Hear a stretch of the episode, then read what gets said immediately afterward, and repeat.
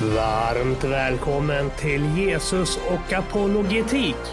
Ett initiativ från Svenska Apologetiksällskapet där bärare av olika livsåskådningar möts för att samtala med varandra istället för om varandra. Från oss i Svenska Apologetiksällskapet möter ni bland annat mig, Sebastian Ipstedt, kristen, läkare och biolog. Och mig, Johan Lundström, konservativ kristen, exeget med intresse för arkeologi och historia. Med oss i programmet kommer vi att ha en fantastisk panel av opponenter från hela skalan bestående av Rosie Leijel, progressiv kristen, vårdare, fysiker. Simon Stenberg, genetiker, sekulärhumanist och naturalist.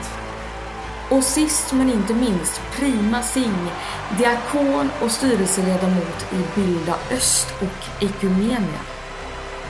Podden presenteras i samarbete med Studieförbundet Bilda, veckotidningen Sändaren och sajten Anti-apologetik. Välkomna tillbaka till en ny säsong av Jesus och apologetik där vi numera fått sällskap av min indiska tvilling Prima Singh. Hur mår du idag Prima? Jodå, jag mår prima. Hur mår du själv Theo? Kan just tro det. Angående mående, well, vi i Svenska Politiksällskapet håller precis som resten av Föreningssverige på att förbereda oss inför årsmöten. Det ska författas verksamhetsplaner och verksamhetsberättelser, revideras stadgar, redovisas ekonomiska berättelser och inte sist men minst hitta nya folk som vill sitta i styrelsen. Eh, man kan ju få huvudvärk för mindre, eller vad säger du Sebastian? Jo tack, vänta bara till du blir ordförande. Men jag tror att många föreningar har eh, den här utmaningen. Det är ju mycket man vill göra, men vem ska göra det? Ja, jag har ju erbjudit mig att sitta kvar som din vice om du stannar som ordförande. Eh, alternativt om vi switchar roller. Men sen så tror jag faktiskt att det är dags att lämna över till ungdomarna som prima här. Och med ungdom så menar vi alltså 30-åringar eftersom jag och Sebastian är 40-åringar. Så att vi får lite perspektiv på tillvaron här. Alternativet är att försöka lämna över till gammelgubbarna på Apologia eller Svenska Evangeliska Alliansen. Eh, men det är inte rimligt att hela föreningen ska bestå av 40 och 60-plussare, gamla gubbar och gummor som oss. Det ser likadant ut i resten av civilsamhället. Församlingar, partiföreningar, kulturföreningar. I Vänsterpartiet är jag ensam valberedning och jag får enbart nej av alla som jag frågar om att sitta i styrelseuppdrag. Min enda tröst är att det är ännu tuffare för Daniel Edler som är Svenska Politiksällskapets valberedning. Han har inte frågat mindre än 11 kvinnor och 4 män. Eh, 50 procent har tackat nej och den andra halvan har ghostat honom. Ja, jag, jag tror han har kanske fått något, eh, något napp som är eh, lovande. Men, men visst, det är ju märkligt. Eh, jag jag, tycker det är väldigt roligt och lärorikt att sitta i styrelser. Man kan ju få utlopp för frågor som man brinner för.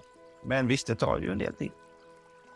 Och, alltså, generellt är det svårt att uppbringa engagemang kring det traditionella föreningslivets funktioner. Den sista kaffekokaren tror jag föddes någon gång i början av 90-talet. Och efter honom så har det ej kommit några fler. Ja, men det kan vara så. Men någonting som väcker engagemang däremot det är ju frågan om Jesu historicitet och Bibelns tillförlitlighet, eller hur? Jag såg ju i dagen där att, att den nya gästkrönikören Dick Harrison, han skapade ju en del surr i sociala medier när han liknade Jesus förnekare med konspirationsteoretiker som förnekar månlandning. Ja. Jo, jag såg även att det var en del Jesus-troende månlandningsförnekare som tog illa upp. Men absolut, jag tror att i ett mångkulturellt samhälle där vi i vår vardag träffar på människor med olika grund för sin etik och moral, även nagelför grunden för den västerländska judekristna humanismen. Eller vad tänker du Simon som är sekulär humanist? Om att vi ofta använder begreppet judekristen humanism då vi ska beskriva grunden för den västerländska kulturen. Hur förhåller du dig som humanist till de 66 plus 11 böcker vi i vardagligt tal refererar till som Bibeln? Ja, jag förhåller mig till Bibeln ungefär som jag förhåller mig till alla andra antika eller ännu äldre dokument. Likt poetiska Eddan, Bhagavad Gita eller Marcus Aurelius meditationer så är det texter från en annan tid som ger inblick i människans kulturella värld för tusentals år sedan. Att läsa antika texter kräver lite av läsaren för att verkligen förstå vad som förmedlas. Man kan inte bara rakt upp och ner läsa en text Eh, och förstå hur en människa för 2000 år, eller ännu mindre 5000 år sedan tänkte. Bibeln har en viss särställd betydelse i och med att vår europeiska historia är så präglad av kristendom. Jag tror inte att det går att förstå hur exempelvis den medeltida europeen tänker utan att på något sätt förstå kristendom. Mose lag har varit en del av Sveriges lag. Svenskar har länge i princip blivit tvingade att läsa Bibeln eller åtminstone ta del av den på något sätt. Och det har givetvis satt sina spår i vår historia. Vår kultur kryllar av bibliska referenser och berättelsemotiv från Bibeln, vilket gör att jag tänker att en viss basal kunskap om Bibeln är nödvändig för allmänbildningen och, att förstå, och för att förstå vår historia och samtid. Men jag tror inte Bibeln har en särställning i något annat avseende. Man kan finna poesi, meningsfulla tankar och berikande kultur i Bibeln. Men det kan man också göra i Tolkiens verk eller ja, vad som helst som man känner ger något i kulturen. Likt an alla andra antika dokument så kan man definitivt inte gå in med antagandet att allt som står där är sant. Det kräver en noggrann analys, vilket jag tror görs bäst inom ramen för det akademiska studier av antika texter såsom bibelvetenskapen och historievetenskapen. Min hypotes är naturalism, då ingen någonsin har kunnat övertygande påvisa något övernaturligt och oräkneliga exempel på tidigare påstådda övernaturliga fenomen har kunnat förklaras naturalistiskt. Så antika påståenden om övernaturligheter förmodas falska tills motsatsen kan beläggas. Min uppfattning om Bibeln är att den hebreiska Bibeln, även kallat Gamla testamentet i den kristna världen, är en samling berättelser som knåpats ihop över mycket lång tid från många olika källor och traditioner. Men historiciteten av Gamla testamentet är i det stora hela höljt av ett mycket tjockt skynke av väldigt lång tid. Det är helt enkelt för avlägset och skralt med källor för att veta om någonting med ja, få undantag har faktiskt hänt. Det finns saker som vi med säkerhet vet inte ägt rum, såsom syndafloden. Och saker vi helt och hållet saknar belägg för, men det borde finnas belägg för om det hade ägt rum, såsom utvandringen ur Egypten. Och det finns saker som det helt enkelt inte finns någon information om, såsom en, histo en historisk Abraham. Nya testamentet är betydligt närmare i tid och där kan man eh, skapa en mycket mer trovärdig bild av, av fler händelser än vad man kan Gamla testamentet. Och jag delar den uppfattningen som är den vanligaste bland bibelforskare, att Markus evangeliet är först och resten av synoptikerna är skrivna enligt Torsens-hypotesen av anonyma författare så, eh, som har skrivits ner tidigast ett par decennier efter Jesus död. Sju av Paulus brev tycks vara från honom och resten är sannolikt skriven av någon annan okänd person. Ja, även inom kristendomens olika falanger så finns det ju väldigt skiftande bibelsyn och bibelbruk. Allt från en nästan till islamsk syn, där man uppfattar Bibeln som verbalinspirerad, att den ordagrant i princip är dikterad av Gud och att Bibelns författare i princip reduceras till verktyg i sin skapares hand, till olika grader av realinspiration, där människor nedtecknat berättelsen om Gud inspirerad av densamme med olika grader av så kallad bokstavstroenhet. Den mest konservativa i vårt gäng är väl du Johan? Kan du inte berätta lite om din bibelsyn och bibelbruk? Tack Theo. Eh, jag har som mål att läsa några kapitel ur en given bibelöversättning om dagen. Inte för att jag alltid lyckas med det, men jag försöker. Jag läste nyligen färdigt Kung James-översättningen, så jag har lite funderat funderar lite grann på vilken bibelöversättning jag ska läsa härnäst. Det lutar åt New Living Translation. Min bibelsyn är, som ni kanske redan gissat, ganska klassiskt konservativ. Bilden må, Bibeln må vara skriven av människor, men den är skriven under inspiration av den heliga Anden.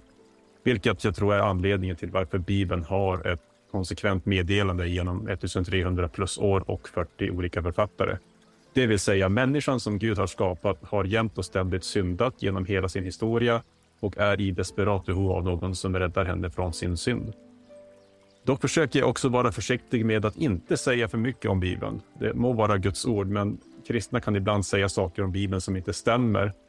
Eh, och detta kan i sin tur ge skeptiker ammunition att kritisera Bibeln, som exempelvis det du snackade om PO om att eh, den nästan muslimska synen. Jag skulle till exempel inte hävda att Bibeln inte innehåller osanning, för folk, för folk gör ju falska påståenden i bibeltexten. Till exempel så citerar Bibeln Satan vid olika tillfällen. Eh, dock skulle jag säga att Bibeln inte gör anspråk på något som inte är sant. Berättelserna om Israels folk och Jesus anser jag är sanna berättelser. Och i Bibeln så citeras profeter där de säger vad som ska hända innan det händer. Och de här profetiorna skulle jag hävda slår aldrig fel. Vi ser tydliga exempel på detta i böcker som Daniel, Jesaja och vissa saltarsalmer med mera. Jag skulle säga att det faktum att Bibeln aldrig gör felaktiga anspråk samt att Bibeln aldrig gett felaktiga profetior funkar som bevis för att Bibeln är Guds ord. Enligt femte Mosebok kapitel 13, verserna 1-5 samt kapitel 17, verserna 14-21 är det precis så Gud resonerar. Alltså att det är så vi ser att en profet har talat ifrån Gud. Och Dessutom hänvisar olika profeter i Bibeln till varandra och bejakar dem som att de är Guds profeter. Den tar varandra i hand och säger om du accepterar mig som en av Guds profeter, då måste du även acceptera de här profeterna också. Jesus säger i Lukas evangeliet kapitel 24, vers 44. Detta är vad jag sade till er medan jag ännu var hos er. Allt måste uppfyllas som är skrivet om mig i Mose lag, profeterna och psalmerna, vilket i princip betyder hela Gamla testamentet. Så Jesus bejakar hela GT som Guds ord. Sedan är Nya testamentet allt som berättas om Jesus och vilka teologiska implikationer detta har. Så därför ser jag hela Bibeln som ett komplett sammanhängande paket. Jag lämnar över till Rosie.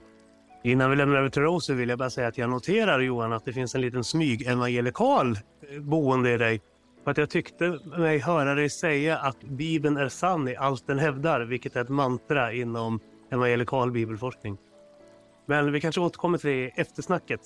Eh, men Rosie, välkommen in. Tackar. Ja, Bibeln är ju en eh, helig bok. Det är den heligaste boken för alla kristna. Och, och så är det liksom. När, när, man har den i sin hand så, som kristen så känner man ju väldigt stor vördnad och värme. Även när man håller på och småbläddrar och småläser i den. Jag gör det också lite varje dag, men det är inte särskilt strukturerat. Eh, men, men däremot liksom om man börjar, börjar djupdyka i den från början, då eh, med ett öppet sinne, så, så blir det lite svårare. Det kan vara så galet spretigt. Eh, böckerna är skrivna på så många olika sätt. Vi har ju först då Jesu ord i evangelierna. Och det, det är lite stolpigt ungefär som man, man, man har radat upp olika citat, jag. Så det, det, är, det är dramaturgiskt ganska dålig litteratur. Det, för att man, man läser det snabbt och det, det är inte så mycket onödiga målande ord av landskapet eller någonting annat. Men eh, det gör ju också att det är en hög trovärdighet. Så, så att de, eh, de betraktar i princip som citat rakt av ur människors minnen av vad som hände när Jesus levde på jorden. Och också som väldigt trovärdiga. Och jag tror väl också att det är så forskningen ser på, eh, ser på det hela, eh, alltså som ur ett rent icke-troende perspektiv, att de böckerna eh, påvisar ändå på att Jesus har funnits. Alltså, även om det inte står konkret eh, att en person vid namn Jesus existerade vid den tiden i andra skrifter utanför Bibeln, så, så tycker man ändå att det som står där i evangelierna tyder på att han har funnits. Ja, och sen så har man ju de här enskilda breven då från Paulus och de, de eh, de ligger också i närtid, men Paulus träffade till exempel aldrig eh, Jesus, utan det handlar mer om regelverk då, i de olika församlingarna för sin tid, som då kan vara, men behöver inte vara av nytta för vår tid. Det är så jag ser på det. Men, men sen finns det böcker i Gamla Testamentet som är lite svårare. Ta till exempel lagen. Det ska vara 500 bud.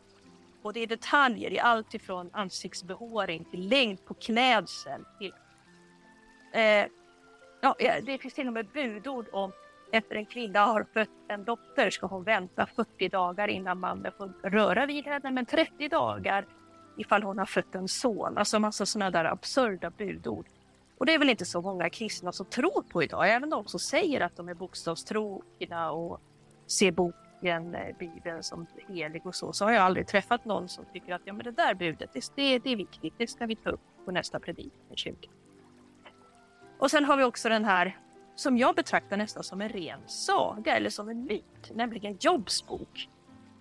Eh, för, för, det handlar ju om att eh, Gud blir provocerad av djävulen när, när djävulen säger att den bästa människan på jorden som aldrig har syndat, nämligen Job han, han är inte alls bra och då måste ju Gud visa att han är bra genom att ta och döda alla hans barn till exempel. Och det, det, det kan inte jag riktigt som troende tro på att det faktiskt har hänt. Det blir, det blir liksom absurt. och sätts hela tron på ända och det blir, det blir, ja, det blir bara pannkaka, det blir bara larv av alltihopa. Jag, jag gör mig själv till åtlöje om jag skulle säga att jag trodde på en sån berättelse. Och jag har inte heller träffat någon som säger att jo men jag tror absolut Gud går och dödar barn för att visa för djävulen att eh, barnets pappa är en snäll människa. Nej, det har jag faktiskt inte. Men, så att jag, jag, jag försöker ändå liksom tala klarspråk när jag, när jag kommer till Bibeln, även om det provocerar många. Men det är att det går ju såklart inte att tro på allting som står. Men, där, men samtidigt så måste man ju ha hållningen att det här är min heliga bok och det kan ju kännas lite schizofrent men eh, det är lite så som eh, som jag ja, som jag måste tro för att eh, kunna vara en, en kristen och samtidigt en bra medmänniska. Jag undrar då vilken position har, har du? Nu ska jag ju bolla vidare här till Prima. Ja, vilken svår eh, fråga. Eh, alltså jag, har ju, jag skulle själv inte kunna placera mig någonstans faktiskt. Eh, jag har alltid varit lite... Jag har lite svårt att placera människor i olika fack. För jag tror att vi liksom människor är så mycket mer än att ja, men, sättas in i en färdig mall. Vilket vi redan gör. Alltså, man blir ju placerad i olika mallar redan från födseln och under skoltiden i olika grupper. Så ja, jag har jättesvårt att placera mig i någon mall. Men Bibeln för mig är nog, eh, jag skulle säga att det är nog en kraftkälla. Uh, den ger mig tröst när jag är ledsen. Den ger mig hopp och mod och vishet. Uh, med ett annat uttryck som jag... Jag har ju studerat till något som heter diakon inom Equmeniakyrkan och uh, ett uttryck som jag lärde mig på utbildningen var att se med ens egna glasögon.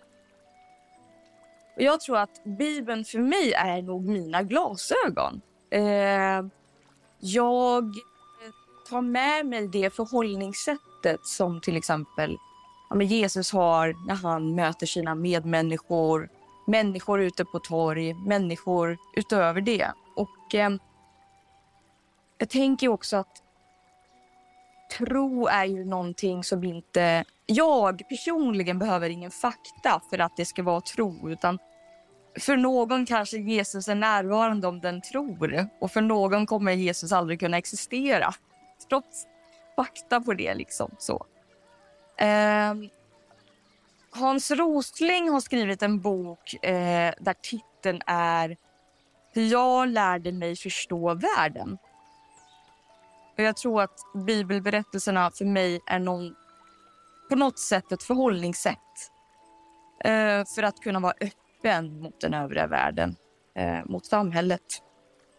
Eh, det som gör mig så att jag kommer närmare Gud. Eh, men också att Bibeln för mig är eh, en bok det är vår heliga skrift, men det är också en bok som är den mest lästa bok i hela världen.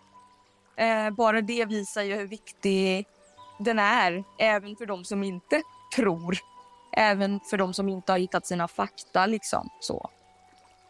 Eh, så det är nog den hållningen jag har. Jag hoppas att jag har kunnat förklara det, Rosie. Och jag blir ju därmed också väldigt intresserad av att höra Sebastian. Vad tänker du om det här? Ja, men Bibeln är en, en central del av mitt liv som, som flera av er har varit inne på. Då. Jag försöker också läsa, läsa lite varje dag från Bibeln. Jag är inte så bra på att följa sådana här bibelläsningsplaner, att man ska läsa Bibeln på ett år och så. Men jag brukar välja en bok och sen, sen läser jag den. Och eh, väljer en bok som var länge sedan jag läste eller som jag var intresserad av tillfället.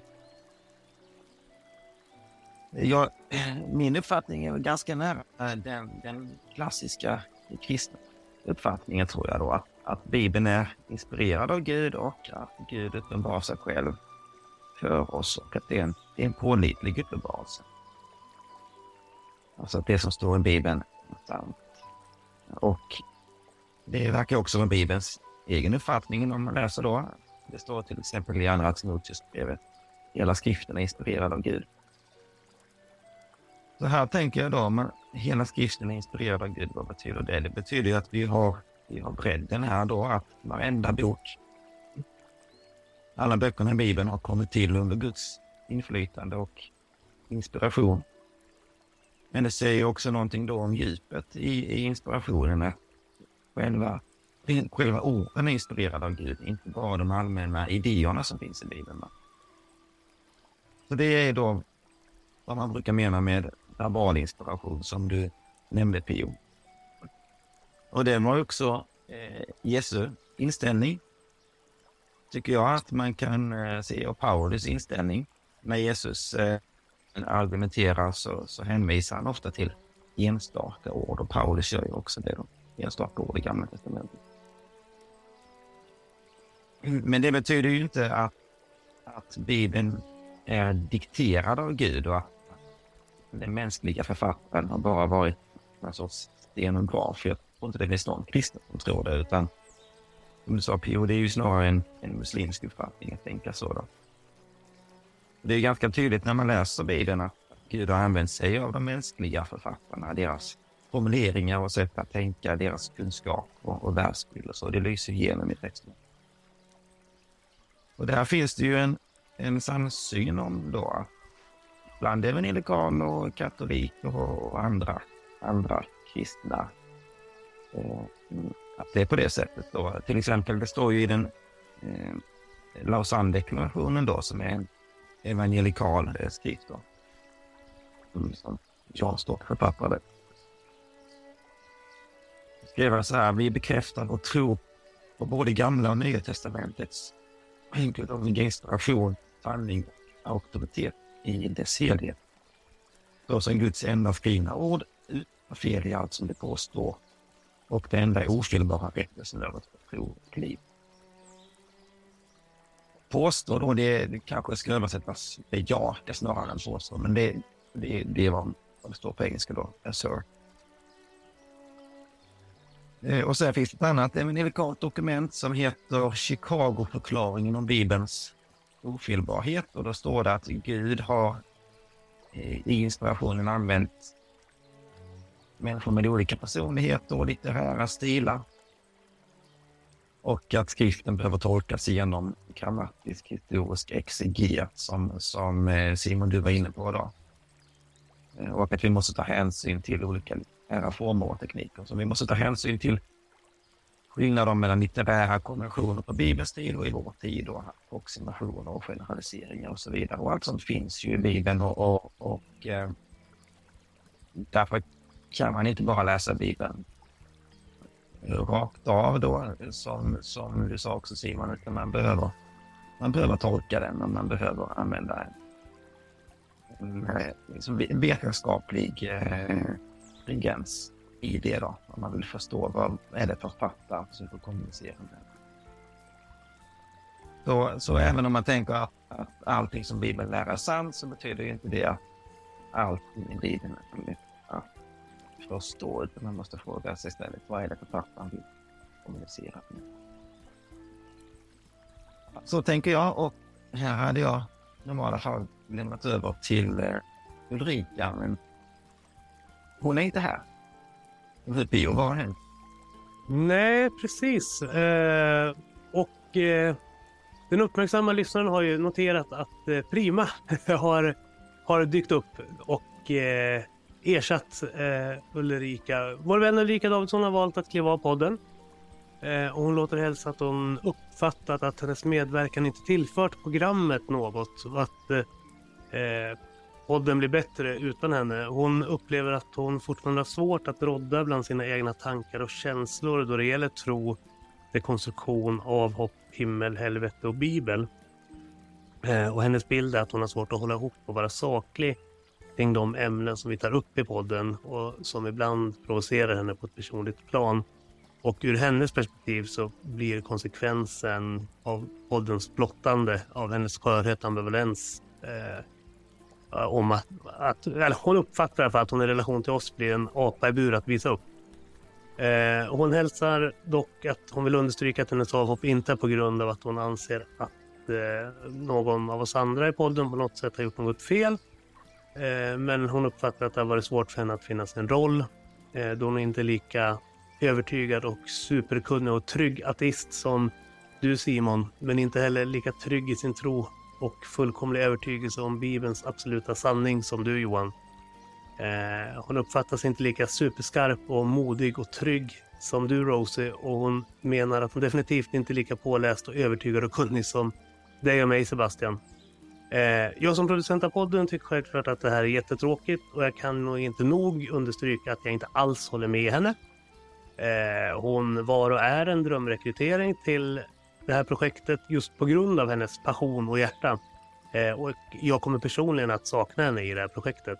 Men självklart respekterar jag hennes önskan och kommer inte försöka övertyga henne om att ändra sig. Eh, men kan inte nog understryka att jag uppfattar att hon har varit en tillgång för den här podden och hoppas därför verkligen att kunna samarbeta med henne kring liknande projekt i framtiden. Eller vad säger ni andra? Ja, jag vill bara säga eh, tack till dig Ulrika. Någon apa i bur eller vad, vad du sa. Det, som P.O. citerade, det har du aldrig varit. Jag tycker tvärtom att eh, du, du hade en position som balanserade oss andra. Du belyste det viktigaste i tron och i religionen och i andlighet i allmänhet. Och det är det viktigaste, att hur detta relaterar till vårt liv här och nu. Det sa du också, när vi gick vilse i olika argumentationer om detaljer, kom du alltid tillbaka till att livet handlar om här och nu. Och det handlar om kanske eh, hur man förmedlar saker som man tror än vad man förmedlar. Alltså som kristen är det så viktigt att konkretisera det här kärleksfulla bemötandet till varje pris. Istället för att gå ut och hävda sin rätt till försvar ifall man inte tror på ett evigt helvete. Om nu den, denna liksom, tro skadar medmänniskan, att uppkörd i halsen hela tiden, att det kommer till helvete. Så, så att, jag tycker du var väldigt viktig. Jag tycker det är jättetråkigt att du lämnade. Men eh, tack för den tid vi fick med dig. Ja, jag får instämma. Jag tycker också att det är tråkigt att eh, Ulrika valde att läm eh, lämna. Jag tycker absolut att hennes eh, förhållningssätt har tillfört till podden. Eh, jag har inte alls någon känslomässig eh, koppling till de frågorna som vi diskuterar. Så att eh, Ulrika vid min sida har fungerat som en välbehövlig påminnelse om att de här frågorna drabbar folk här och nu och har verkliga konsekvenser som berör. Så tack för den tiden. Jag eh, respekterar att du inte vill vara med. Eh, eh, men absolut så eh, tillförde du mervärde till podden. Mm. Eh, mycket sorgligt gällande Ulrikas avgång. Jag uppskattar hur podden har en blandning av folk från olika slags åskådningar. Nu känns det som en bit av den blandningen blev lite mindre varierad. Fast vi kanske ser om Prima kan fylla den rollen. Men eh, jag vill säga som alla andra i podden att hon har definitivt bidragit med något av värde till diskussionen, även om hon själv inte ansåg detta. Eh, men jag önskar i alla fall Ulrika en mycket ly stor lycka till med hennes framtida verksamheter och tackar Ulrika för den tid hon varit med oss på podden. Ja, men jag, jag håller med också. Eh, Ulrika har haft ett viktigt perspektiv och många tänkvärda inlägg i, i debatterna som vi har haft. Då. Och eh, åtta, åtta av de mest tänk, tänkvärda inläggen tycker jag som jag har behövt fundera mycket över och som jag har, har lärt mig mycket av. Så det är jag tacksam för. Så det är en passionerad, passionerad och engagerad röst som försvinner från podden. Den finns ju kvar på andra ställen förstås. Då. Men det, jag, inser förstås att det är inte så lätt att debattera när man inte själv har bottnat i, i vad man tycker på frågor. Men jag hoppas att hon landar i sina tankar och att hon finner frid. Yes. Men jag kan eh, samtidigt glädja mig väldigt mycket åt över att vi har lyckats eh, rekrytera Prima Singh. Innan vi går över till eftersnack Prima, kan inte du bara presentera dig lite för våra lyssnare eh, kring, kring vem du är och vad du har för förväntningar på det här projektet? Ja, eh, Prima Sing heter jag. Eh, är som sagt eh, diakon i Equmeniakyrkan och eh, engagerad i Equmenia eh, och alla möjliga saker som jag brinner för. Samhället. Eh, mina känslor inför det här är ju att eh, jag uppskattar verkligen att jag får vara med här bland de här eh, ja, med kunniga människor i alla möjliga roller. Eh, ja, men, forskare, läkare, ja, teologer och, eh, och så får jag komma med mina inputs. Jag, jag tycker att det kommer bli spännande att se vart det leder. Eh, för hur, hur olika vi är i våra åskådningar men ändå kan enas kring ämnen. Eh, inte enas när det gäller våra åsikter utan enas i att bringa för våra åsikter på samma bana. Liksom. Så jag ser fram emot det, verkligen. Tack. Yes, och jag tror och hoppas att hur oense vi än är i bibelsyn och bibelbruksfrågan eh, inspirerande och kul att du och jag Sebastian tycks stå på lite olika positioner för ovanlighetens skull. Det började nästan bli så här tråkigt att uh, bara sitta och nicka så fort du sa någonting. För första gången har du sagt någonting som jag, eller jag ska inte säga att jag inte alls håller med dig, men jag har en annan position. så det ja, ser jag fram emot. Jag vill höra det sen. ja, och det ser jag fram emot att kunna diskutera om i eftersnack som även ni lyssnare inbjuds till att uh, vara med i. Men för det så tackar vi så mycket för det här ordinarie avsnittet. Ha det bra allihopa.